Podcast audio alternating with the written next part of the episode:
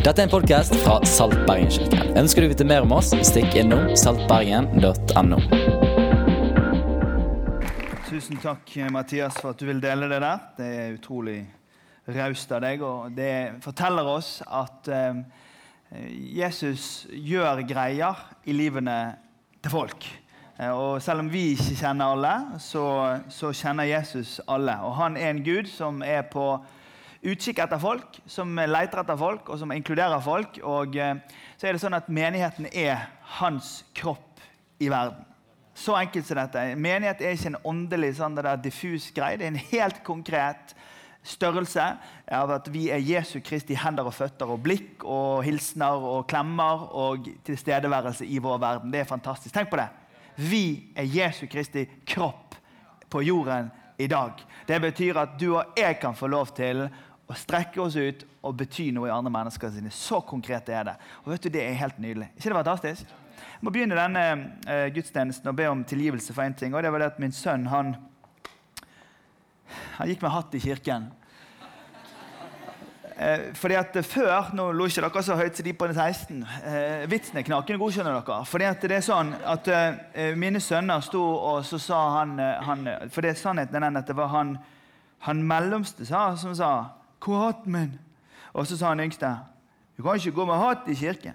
Og så sa han eldste jo, i vår tid kan man det.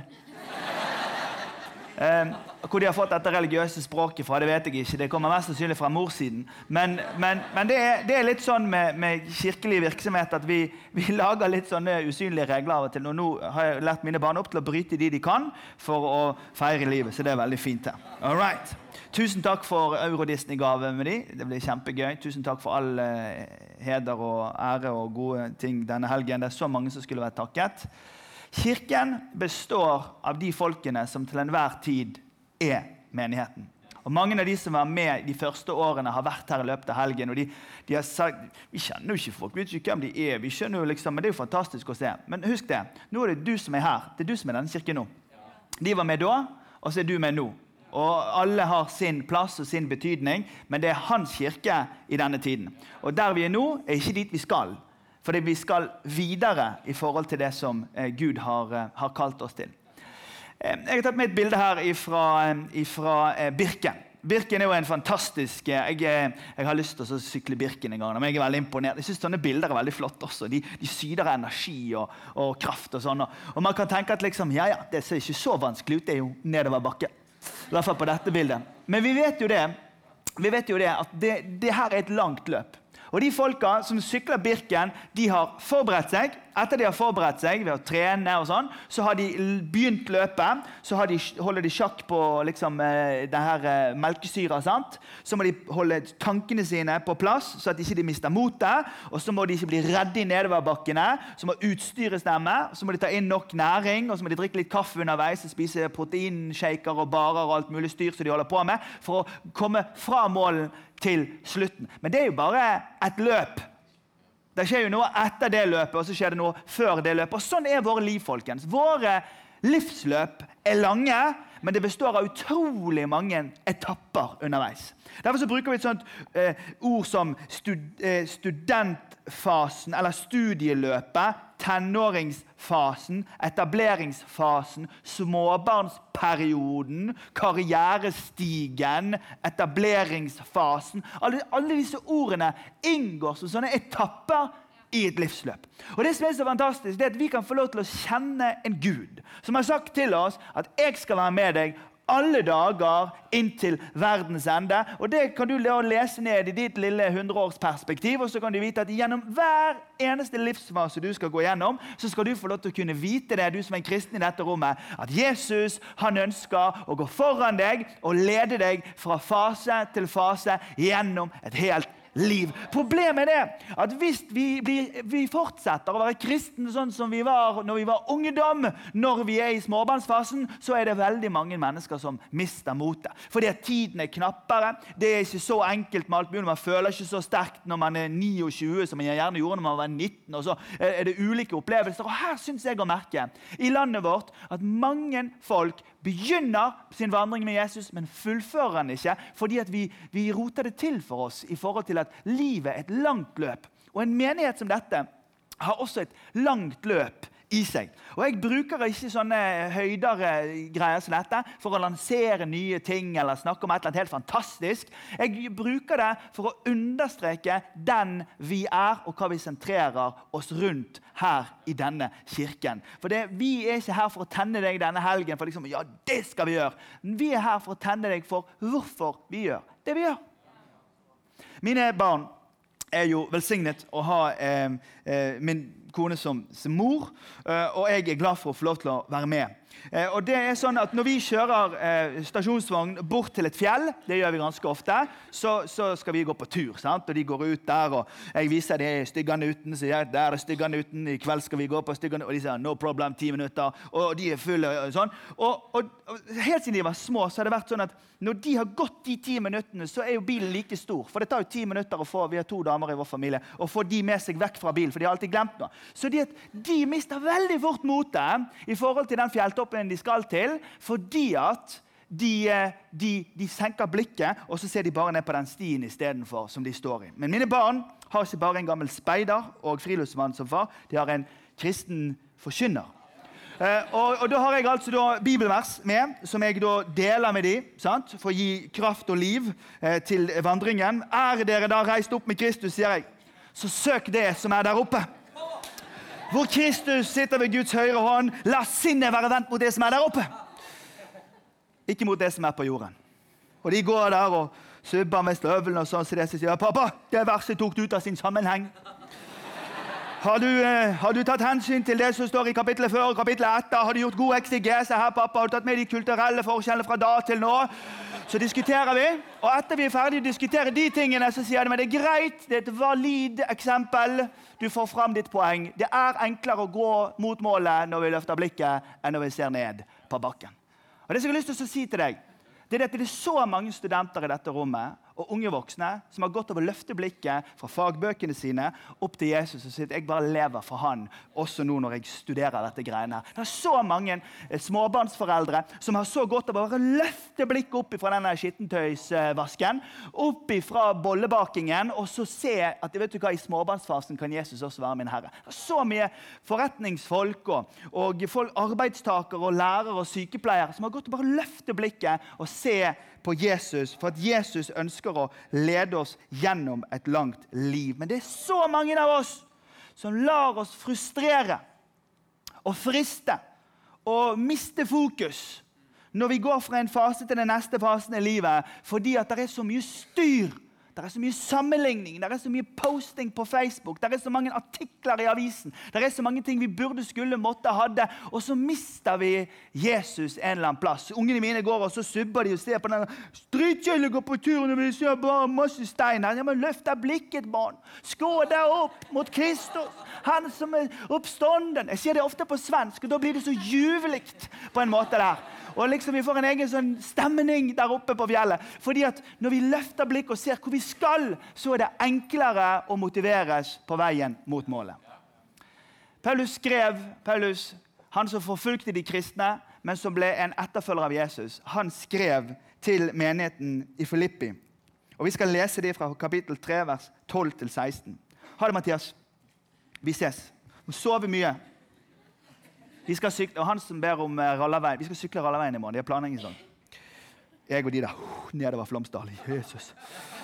Ja, Filippane 3, 12-16. Um, jeg mener ikke at jeg alt har nådd dette, eller at alt er fullkommen, men jeg jager fram motet for å gripe det. Fordi jeg selv er grepet av Kristus. Jesus. Mine søsken, Jeg tror ikke om meg selv at jeg har grepet det, men én ting gjør jeg. Jeg glemmer det som er bak, og så strekker jeg meg ut imot det som er foran. Jeg jager mot målet. Mot den seiersprisen som Gud fra det høye har kalt oss til i Kristus Jesus. La oss tenke slik, alle vi som har nådd fram til modenhet. Om noen av dere tenker annerledes på noe, vel, så skal Gud gi klarhet i det også. La oss bare, så langt vi har kommet, fortsette i samme spor. Og Det er det jeg har lyst til å understreke for deg her i kveld. Det er det at Når Paulus snakker om sitt forhold til Jesus, så sier han at Jesus var her i min fortid, Han grep meg. Jesus er her i min nåtid. Jeg er grepet av han. Men samtidig så er han også der i min fremtid. Det er han som er mitt spor i livet. Det er han jeg velger å følge, og derfor er det han jeg strekker meg etter. Det er han jeg ønsker å leve for. Denne konferansen har ikke vi kalt 'Forvent noe nytt'. For du og jeg lever i en tid hvor vi alltid motiveres av det nye vi får. Derfor har vi sagt med overlegg 'forvent mer' mer av han vi sentrerer vårt liv rundt. Fordi jeg vet at jeg kan liksom få opp eh, yeah, sånn det der, rundt et eller annet fantastisk nytt noe. Men hør, jeg har aldri brukt sånne anledninger som dette for å gjøre det. Jeg har brukt alle sånne jubileum og sånne greier som dette på å feste oss i det vi lever for. Ham vi lever av. Han vi er på vei til. Og det er Jesus Kristus. Og det er det jeg håper å kunne gjøre for deg i løpet av de neste minuttene. La oss bare be en bønn om at Den hellige ånd skal tale til oss. Hellige Ånd, du kommer fra Gud for å hjelpe oss å forstå ditt ord. Og Nå ber jeg om at det som skjer her i løpet av de neste minuttene i kveld, Herre, at det skal være ord av liv til oss. Jeg ber, Herre, for de av oss som er i tenåringsfasen, Herre. De av oss i dette rommet som er i studieløpet vårt. De av oss, Herre, som er inne i karrierestigen, Herre, og de som er i andre faser av livet sitt. Herre, Det spiller ingen rolle hvilken fase. Du inkluderer oss alle under dette ordet fra denne teksten denne kvelden. Og utfordrer oss til å se hva er det vi strekker oss etter. Hjelp oss å se det i våre liv. La meg begynne i det siste verset jeg leste, i vers 15. La oss da tenke slik, alle vi som har nådd fram til modenhet. Og om dere ser annerledes på noe, vel, så skal Gud gi dere klarhet i det også.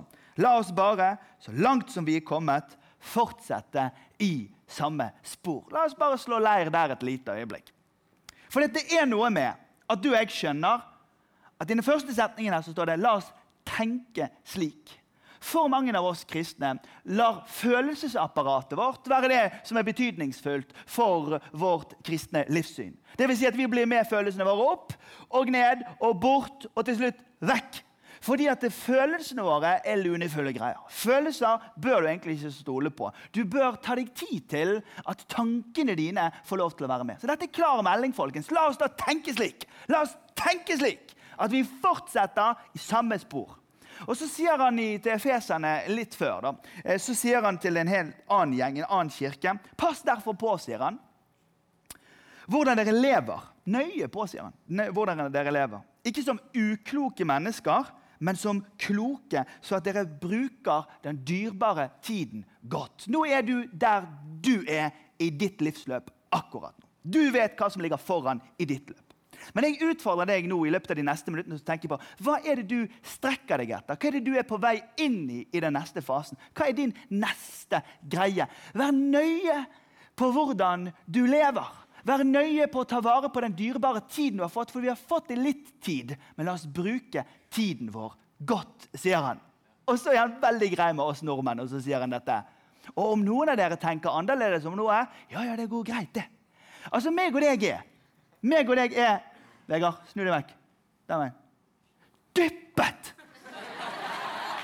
ned i en kultur som sier at vi gjerne må tenke annerledes. Altså, det fins noe i vår del av verden hvor vi finner nesten vår identitet i at vi tenker annerledes om noe. Og så blir vi litt høy på oss sjøl når vi kan komme med et eller annet perspektiv som er litt annerledes. eller vi har sett et eller annet. For det, er en måte å markere oss sjøl på. Og det er veldig spesielt i denne delen av verden. Vi fragmenteres nesten fordi vi er så opptatt av å tenke annerledes om noe. Og jeg syns han er ganske så høflig her. Så jeg sier ikke at han sier feil, men han sier noe som er veldig klokt, og det skal treffe noen av dere akkurat nå. Og noen av dere tenker annerledes om noe. No problem. Men Gud er den som skal gi klarhet i det også. For du vet, jeg har i disse ti årene, Det var en journalist som spurte meg hva er det som har vært vanskeligst. Og Da svarte jeg ikke ærlig. Jeg svarte noe helt annet. Men nå skal jeg si hva, jeg, hva som har vært vanskeligst. Det som har vært vanskeligst, det er at jeg har gått ifra ett og samme gudstjenestemøte i disse ti årene. Det har vært om titusenvis av mennesker innom. Og Noen har sagt det er for høy lyd. Noen har samtidig sagt det er for lav lyd. Noen har sagt det er for mye folk her. Noen har sagt det er bare unge folk her. Noen har sagt alle er så pene. Og jeg tenker har du sett meg? Har du sett hun? Har du sett den? Eh, og, noen sier, og noen sier at alle er perfekte. Noen sier at vi burde bare samles i små grupper. Noen tenker vi må ha større grupper. Noen til og med liksom sier at liksom vi burde bare bygge én kjempestor menighet, og at jeg burde tale hver søndag. Mens noen sier vi burde plante enda flere menigheter. og så burde vi enda... Altså, Ett og samme søndag Folk tenker så utrolig annerledes. Og la meg være veldig tydelig med deg det er ikke et problem.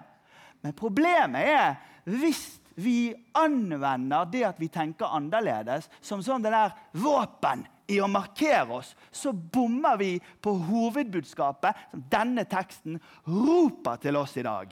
Det er helt greit å tenke annerledes, men Gud skal gi oss klarhet i det også. Det går fint, folkens, men vi må stå sammen om det store, viktige oppdraget. Det har vært tonen her i ti år. Jeg har sagt det fra Johannes kapittel 14, vers 6. Jesus sier, 'Jeg er veien'. Det er han som er sporet. Han er det sporet vi fortsetter i. Vi skal fortsette i det sporet. Og mens vi går på den veien, så sier han at han er sannheten. Så det oppdager mer og mer sånn, ja, men det visste jeg ikke. Ja, men det visste jeg ikke. Jeg har akkurat hørt Mathias si det. Det visste jeg ikke. Og det visste jeg ikke. Og det visste jeg ikke. Men plutselig så oppdager jeg mer og mer av sannheten, og det er det han sier i denne teksten. Han sier at mens vi er på veien sammen, kom du som mener at vi bare burde være huskirke. Kom du som mener at vi bare burde liksom ha barnesang. Kom du som mener at vi er for mange. Kom du som syns vi er for pene. Kom du som syns vi er for brede. Kom du som syns vi er for smale. Kom alle som tenker annerledes. Men la oss oss, la Gud gi oss klarhet i forhold til det vi trenger. For det er her sannheten kommer, og det er dette som er livet.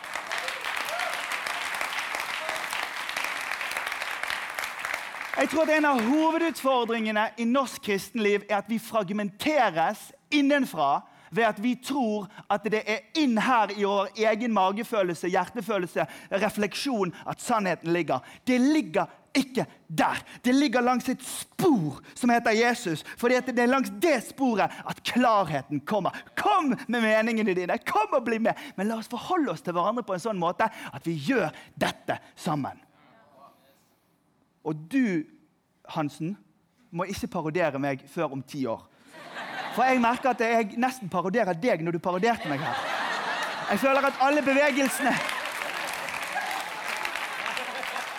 Jeg føler på en måte at alle bevegelsene mine blir på en måte forsterket. Og hvis du bare har tenkt å drive med parodiering av meg, så er kanskje ikke dette stedet for deg. OK. La oss fortsette i samme spor. La oss fortsette i samme spor. Sporet er Jesus. Der er klarheten. Marie Jones nå reiser hun til Sjømannskirken i Spania sammen med Frode, lovsangslederen vår. i morgen. De har vært med i alle år. Hun skrev noe glitrende. Hun jobbet på universitetet her borte inntil nylig. Hun skrev noe glimrende på, på, Facebook om dette. Å være en kristen Jesus-etterfølger i, i, vår del av verden. Hvem er egentlig mest intellektuell, skriver hun. Den som sier på grunn av det jeg har lært, klarer jeg ikke å tro, eller den som sier at på tross av det jeg har lært, velger jeg å tro. At det finnes en mester bak verket. Selv om jeg Altså Begge alternativene som 50-50 ville jeg likevel gått for alternativ 2. Hvor det følger med goder som man aldri er alene. Man er alltid elsket for den man er. Man har aldri trenger å bevise noe. Man har aldri trenger å bekymre seg for morgendagen. Og så er det en happy reunion til slutt. Nei, men helt alvorlig, Dette er jo helt glitrende sagt. For det er jo sånn Jesus-etterfølgere må forholde seg til i vår del av verden i et kunnskapssamfunn hvor det er kunnskap og det er tro og tvil og spetakkel rundt omkring og overalt. Hør, Det er en del av livet vårt. Men når vi går på dette sporet, dere, fortsetter i dette samme sporet som heter Jesus, så er det der klarheten og sannheten kommer, og det er der det blir en happy reunion til slutt. La meg fortelle deg en fortelling. Og Nå må ikke du tenke at jeg har sporet av. Jeg ønsker å illustrere med denne eh, fortellingen et poeng.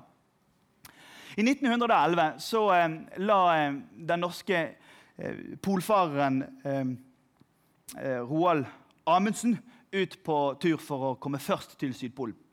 Før han dro av gårde, så eh, bodde han sammen med eskimoene. Han lærte seg å, å, å, å lage iglo. Han lærte seg å kjøre hundeslede. Han lærte seg å fiske sel. Jeg vet ikke om han gjør det. Skyter med seg. Alt det der styret som de gjør i snøen. Eh, lag snømann og sånn. Han, la, la, han, lærte seg masse greier av dem. I ett helt år var han sammen med Gud velsigne tolken, for å si det sånn. Eh, eh, eh, så, så, så, så, var han sammen med de eskimoene Fordi han hadde bestemt seg for at jeg må finne ut, jeg må finne ut hvordan jeg kommer meg gjennom et isøde til mål. La alle mennene mine overleve og komme meg tilbake til dit. Jeg må, jeg må legge en skikkelig bra plan. Han hadde med seg dobbelt opp av alt. Eh, han hadde med seg masse proviant. Han laget en solid plan og bestemte seg ved akkurat hvor langt han skulle gå hver eneste dag. For Han regnet seg fram til hva han skulle gjøre. Samtidig så var det en engelskmann. Han eh, hadde også lyst til å gå til Sydpolen, men han eh, syntes ikke det var så gøy å bo med eskimoene et år. Han syntes det var litt ubehagelig med denne selskinnsbokseren. Så han bare tenkte liksom, vi bare går liksom og, og, kjøper noe i butikken. Så han prøvde seg med ponnier en stund. Liksom. Det gikk jo en ettermiddag sant? før de var klinkis. og, så, og, så, prøvde han seg med snø, snøskutere, og de var jo utrolig dårlige på den tiden. Og, eh, og, og, eh, og, så dro han av gårde. Det var en enormt stor forskjell mellom måten Amundsen bestemte seg for å gå sitt løp, og den måten Scott bestemte seg for å gå sitt løp. Så dro de av gårde, og eh, den 15. desember 1911 da kom Amundsen fram til eh, målet. Da hadde han bestemt seg for at vi går aldri mer enn 30 km for dagen. Altså, Om det er fint vær, så går vi 30 km. Om, om det er dårlig vær, så går vi allikevel. Vi søker å stoppe på riktig tidspunkt. hver eneste gang. For han visste det at ute her ute så er det ikke bare liksom leopardpingviner og den usynlige snømannen. Her ute kan det brått bli storm. Her ute kan noen knekke en fot. Her ute kan vi bli så svette at vi begynner å fryse for mye. Vi må sikre oss at vi alltid er på den trygge siden, så at vi kommer oss til det målet vi skal til, og kommer oss tilbake igjen til målet. Han hadde et system, en vane, en holdning på måten han skulle gå løpet sitt på. Scott på den andre siden han tenkte det liksom, well, if I feel like it, I feel like it. Så han liksom, han måkte på. sant? Han, eh, han kjørte på de dagene det var, var, godt vær, og de dagene det var dårlig vær. Da satt han inne i teltet og var sinna, frustrert, og ikke kunne være på Facebook, ikke kunne skrive liksom, uh, hashtag 'den følelsen'. Altså Han hadde ingen utløp for noen ting. Han bare satt der og bare slo med stavene i teltduken og fortalte dårlige vitser til kameratene. Alt var skikkelig krise. Når Amundsen 15.12. kom seg fram til, uh, til uh, Sydpolen, så så spiste de vel en Kvikk Lunsj. tenker jeg, Det er jo alle nordmenn når de er på tur. Sant? så han dro en Kvikk Lunsj, Og så begynte han med en gang å gå tilbake igjen fant noen av depotene som han hadde lagt der, og kom tilbake igjen til det stedet han skulle til 25.1.1912. Han andre han fant seg sjøl stirrende på det norske flagget. Mange, mange, mange mange dager etter. Fullstendig nedtrykt av det som skjedde. Bommet på depotene på vei tilbake igjen. Og så var det et fly som fant en ihelfrossen Scott og resten av gjengen hans ute i isødet der etter en stund. Amundsen bestemte seg for at jeg trenger å danne meg noen vaner. Jeg trenger å finne meg en pace som passer meg. Jeg trenger å sørge for at dette livet som vi går ut i her i isødet, at vi forbereder oss på det uforutsette. For sykdom, for skader, for snøstormer. Alt dette ligger der i løpet et sted. Så vi må sikre oss at vi kommer oss jevnt fram og jevnt tilbake. Han andre satset på 'good luck, we will fix it', vi kanskje fikser det. Og så gikk det gale. Og her er mitt poeng. Altfor mange kristne mennesker bestemmer seg for å ta Scott sin approach til sitt personlige disippelskap. Så at når man kommer ut av tenåringsfasen og hei og jippe ja, jeg bor i kjellerleilighet hos mor og far, og vi spiser krumkaker og koser oss med Jesus, så går man plutselig inn på universitetet i studentløpet sitt. Men da har jeg tiden knappere, og spørsmålene er flere, og tvilene er råere. Og så går man inn i småbarnsfasen, og så opplever man at her er jo det så mye å gjøre at vi kan jo i hvert fall ikke gå i kirken nå, for nå er det bare bæsjebleier og la noe for liten og la noe for stor. Og så kommer man inn i karrieregreiene, og så plutselig så sitter man der på kartverket og finner nye land og greier. Jeg vet ikke hva de gjør på Kartverket, men de holder på med sånne greier. Og så, og så, og så, og så, og så blir det bare borte. Og dette er min påstand. Jeg påstår at vi trenger, som kristne folk i dette landet, og som kristne i denne kirken, en Amundsen-tilnærming til.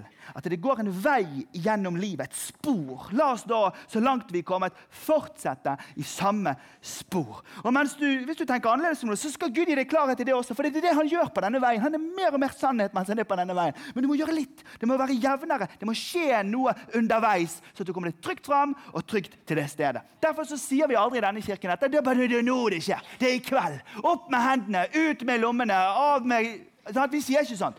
Sier, det er veldig lite sånn nå, nå, nå, nå. Det er veldig lite sånn. Men det er veldig mye sånn Kom an, nå kommer vi oss gjennom dette livet. Er denne Jesus-etterfølgelsen. Han er herre i min fortid, han er herre i min nåtid, og det er han jeg strekker meg etter. Det er han som er sentrum for mitt liv. Og Han er sentrum på biblioteket, og han er sentrum på arbeidsplassen, og han er sentrum i garasjen, og han er sentrum i familien, og han er sentrum i Det er Jesus-etterfølgelse, sånn som vi vil ha det. Derfor så sier Paulus dette her i vers 12.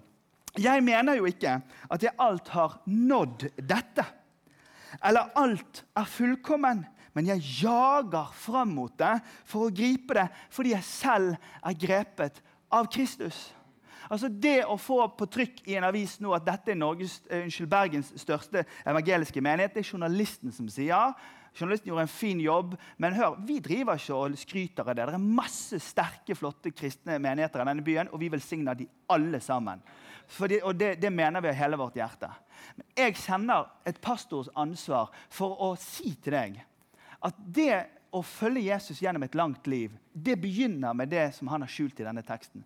Jeg er grepet av Jesus. Og Jeg har lest metervis med kirkehistorie, og jeg kan vise deg at kirkelige bevegelser har kommet og gått gjennom kirkehistorien. Og Kjennetegnet ved at de går, det at de mister at det å være grepet av Kristus er det viktigste.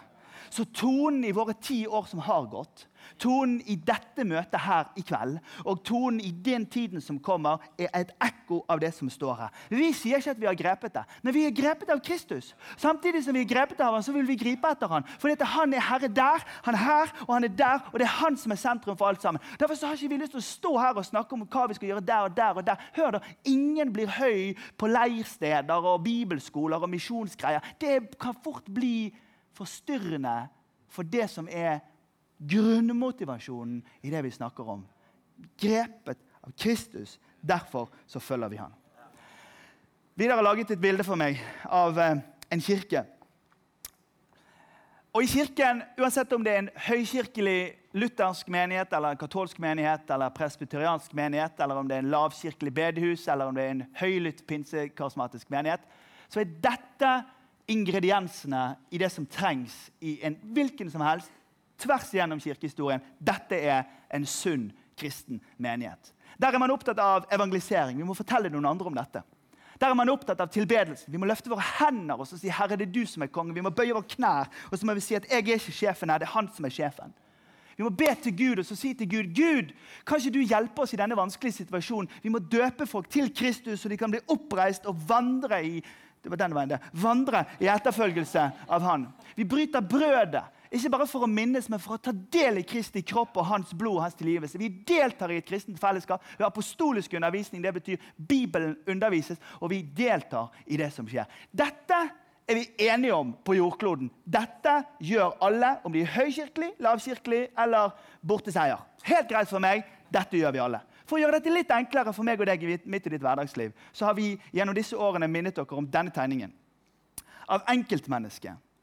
Og I Saltbergkirken har vi sagt at vi alle sammen må forholde oss til at i den tidlige kirke så holdt man fast på apostlenes lære. Jeg drømmer om en kirke hvor vi har et forhold til vår personlige bibel. Hvor vi har et forhold til at Guds levende ord er mat for mitt indre menneske. Det drømmer vi om. Og jeg tror at en Amundsen-vei gjennom Jesus-etterfølgelsen det er at da tar jeg litt av det hver dag. Men ikke bare det, jeg tar også del i et oppdrag som er større enn mitt eget liv. Jeg tar litt av oppdraget hele tiden. Over 80% av de som er medlemmer her, de gjør en del av, av det som trengs for at denne kirken skal fungere og funke. Det er fantastisk vakkert. Det er helt unikt. Det er helt fantastisk. Men det vi utfordrer til det, for vi tror det er en del av Amundsen-vandringen. Grann, Ikke for mye, men akkurat nok til at vi kommer i mål. Fellesskapet. Vi er veldig imot at folk kommer og bruker fellesskapet. Du ødelegger en life-gruppe, du skader en kirke om du kommer og forbruker et fellesskap. Men vi inviterer deg med en åpen hånd til å delta i det. Hjertelig velkommen, men delta, ikke bruk. Og for det fjerde, vi tror at Guds mirakler virker med også i en tid som dette. Når Ruben så flott bygger vår tro ved å forkynne og lese bibelvers for oss og ta oss med i bønn, så er det en del av vår spiritualitet. Men den angår vårt hverdagsliv. Jeg drømmer om en kirke som ikke går med skott. liksom, ah, 'Fint nå, ah, halleluja', og så fryser meg i hjel. Men jeg drømmer om en sånn menighet som bare vet det. at vet du hva? Jeg velger å gå mitt liv på en jevnhet for å komme meg framover mot det målet som er Kristus. Se for deg at du er nede på Lindesnes. Er det noen som har vært på Lindesnes? Er det noen som er fra, er det noen som er fra Lindesnes? Jeg er ikke, er ikke tørke å si det, nei. Nei vel. Eh, altså, du er nede på Lindesnes, det er helt syd i Norge. Det er palmer og åpen pub og sånn. Så, nattklubb og sånn. Lindesnes. Så har du tærne ut i Skagerrak. På den andre siden er Danmark. og det vil ikke vi snakke om her engang, for da skjønner vi ingenting. Så, så, så, snur du deg og så tenker du, nå skal jeg gå like langt som Amundsen. Nå skal jeg gå til Nordkapp. Så trasker du oppover der, og så kommer du til eh, Vigeland. Det er flott. Fint på Vigeland. Så legger du deg rett bak Vigelandshallen, ca. tre mil. Og så sover du der den natten, og så tenker du Åh! Eller hvis, som Sigurd har gjort. Eh, og så Så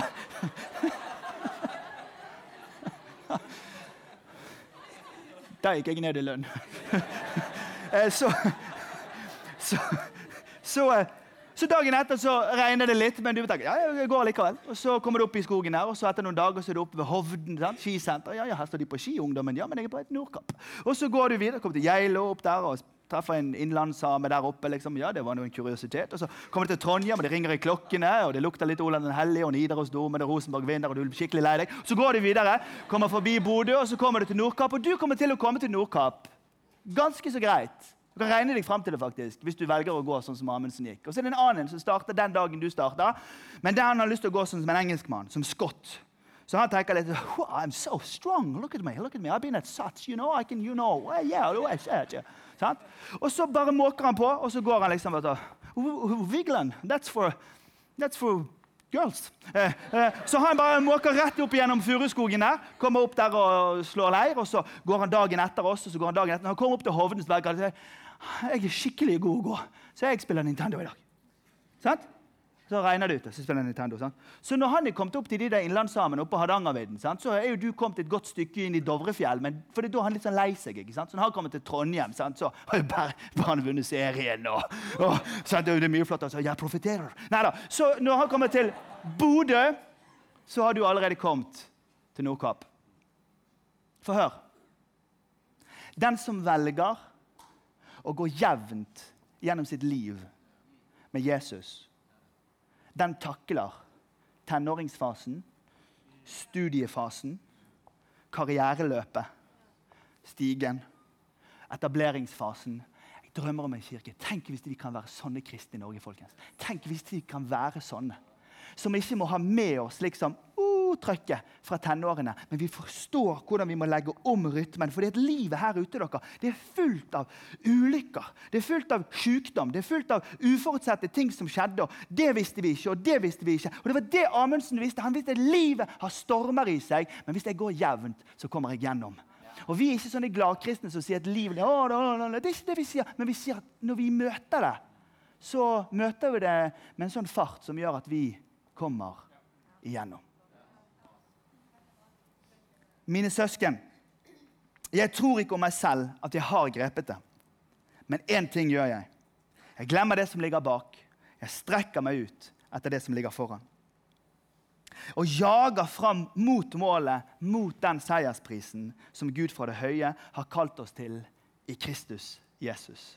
Det er ikke ett menneske, aller minst meg, som sier at vi har skjønt det. Den dagen er det over og ut for enhver kristen leder som sier det er vi som har det. Han sier det her. Vi tror ikke at vi har det. Vi tror ikke at vi har skjønt alt. Det er jo ingen av oss som gjør det. Vi er ikke så dum. Men det vi gjør, det er det at vi glemmer det som er bak, og så strekker vi oss ut. For det, vet du hva? her borte, det vi strekker oss til, det er å få lov til å være sammen med Jesus. Så, så tuller han litt med bildet sitt her nå. For Han sa jo 'jeg er grepet av Kristus', og det var han glad for i fortid. Og så nå sier han at han skal glemme det. Så det han sier, er dette. Dere idrettsfolkene dere vet hva jeg snakker om. Når du løper en maraton Det har jeg aldri gjort. Min kone har gjort det. Eh, eh, jeg skal kanskje gjøre det når jeg har fått joggeutstyr av Sigurd. Eh, så, så, så, så, sier han dette når du er på oppløpssiden og du løper, sant? Så, så kanskje du liksom, å, jeg er så utrolig flink. Jeg løpte forbi Petter Northug der, og så Marit Bjørgen der. Og, og sånn. Du, du, glemmer jo seirene i løpet fordi at du er så fokusert på å holde kontroll på alt systemet for å komme deg inn i det målet, så du kan ta en Bjørn Dæhlie-selfie. med snott og gulp og alt. I did it. Det er det han sier. Han sier nå må vi glemme det der, for vi strekker oss ut etter det som ligger foran. Er dere med, folkens? Første Korinterbrev så sier han noe lignende om idrettsplassen. Vet dere ikke da at på en stadion deltar alle i løpet, men bare én får seiersprisen? Løp da slik at dere vinner den. Alle som deltar i kamplekene, må nekte seg alt. Den sitter, må nekte seg alt. De gjør det for å vinne seierskransen som visner. Vi for en som aldri visner. Det vi lever for, er noe som aldri visner. Jeg løper derfor ikke uten et mål, sier han. Jeg er heller ikke lik en nevekjemper. Vi kan ikke skrive en boks her i Bibelen. Kampsport og Bibelen går ikke opp. Kall det for nevekjemper. Jente, jentekristendom. Jeg, jeg, er heller, jeg, er heller, ikke slik som en bokser. Jeg er heller ikke som en bokser. Nei, jeg kjemper mot meg selv. Jeg tvinger kroppen til å lystre for at ikke jeg som har forkynt for andre, selv skal komme til kort. Paulus har en fantastisk vakker tale til oss på tiårsjubileet i Saltbergenkirken. Det er ikke noe nytt, men det er mer av Han som har grepet oss, som vi har grepet oss i dette livet, og som vi lever for, og som vi skal strekke oss etter i den tiden som kommer. Vi trenger mer, folkens. Ikke noe nytt. Vi trenger ikke å forveksle dette med å være med på noe kult og et eller annet fantastisk. Vi trenger å se at i midten av alt dette så står vår Herre Jesus Kristus.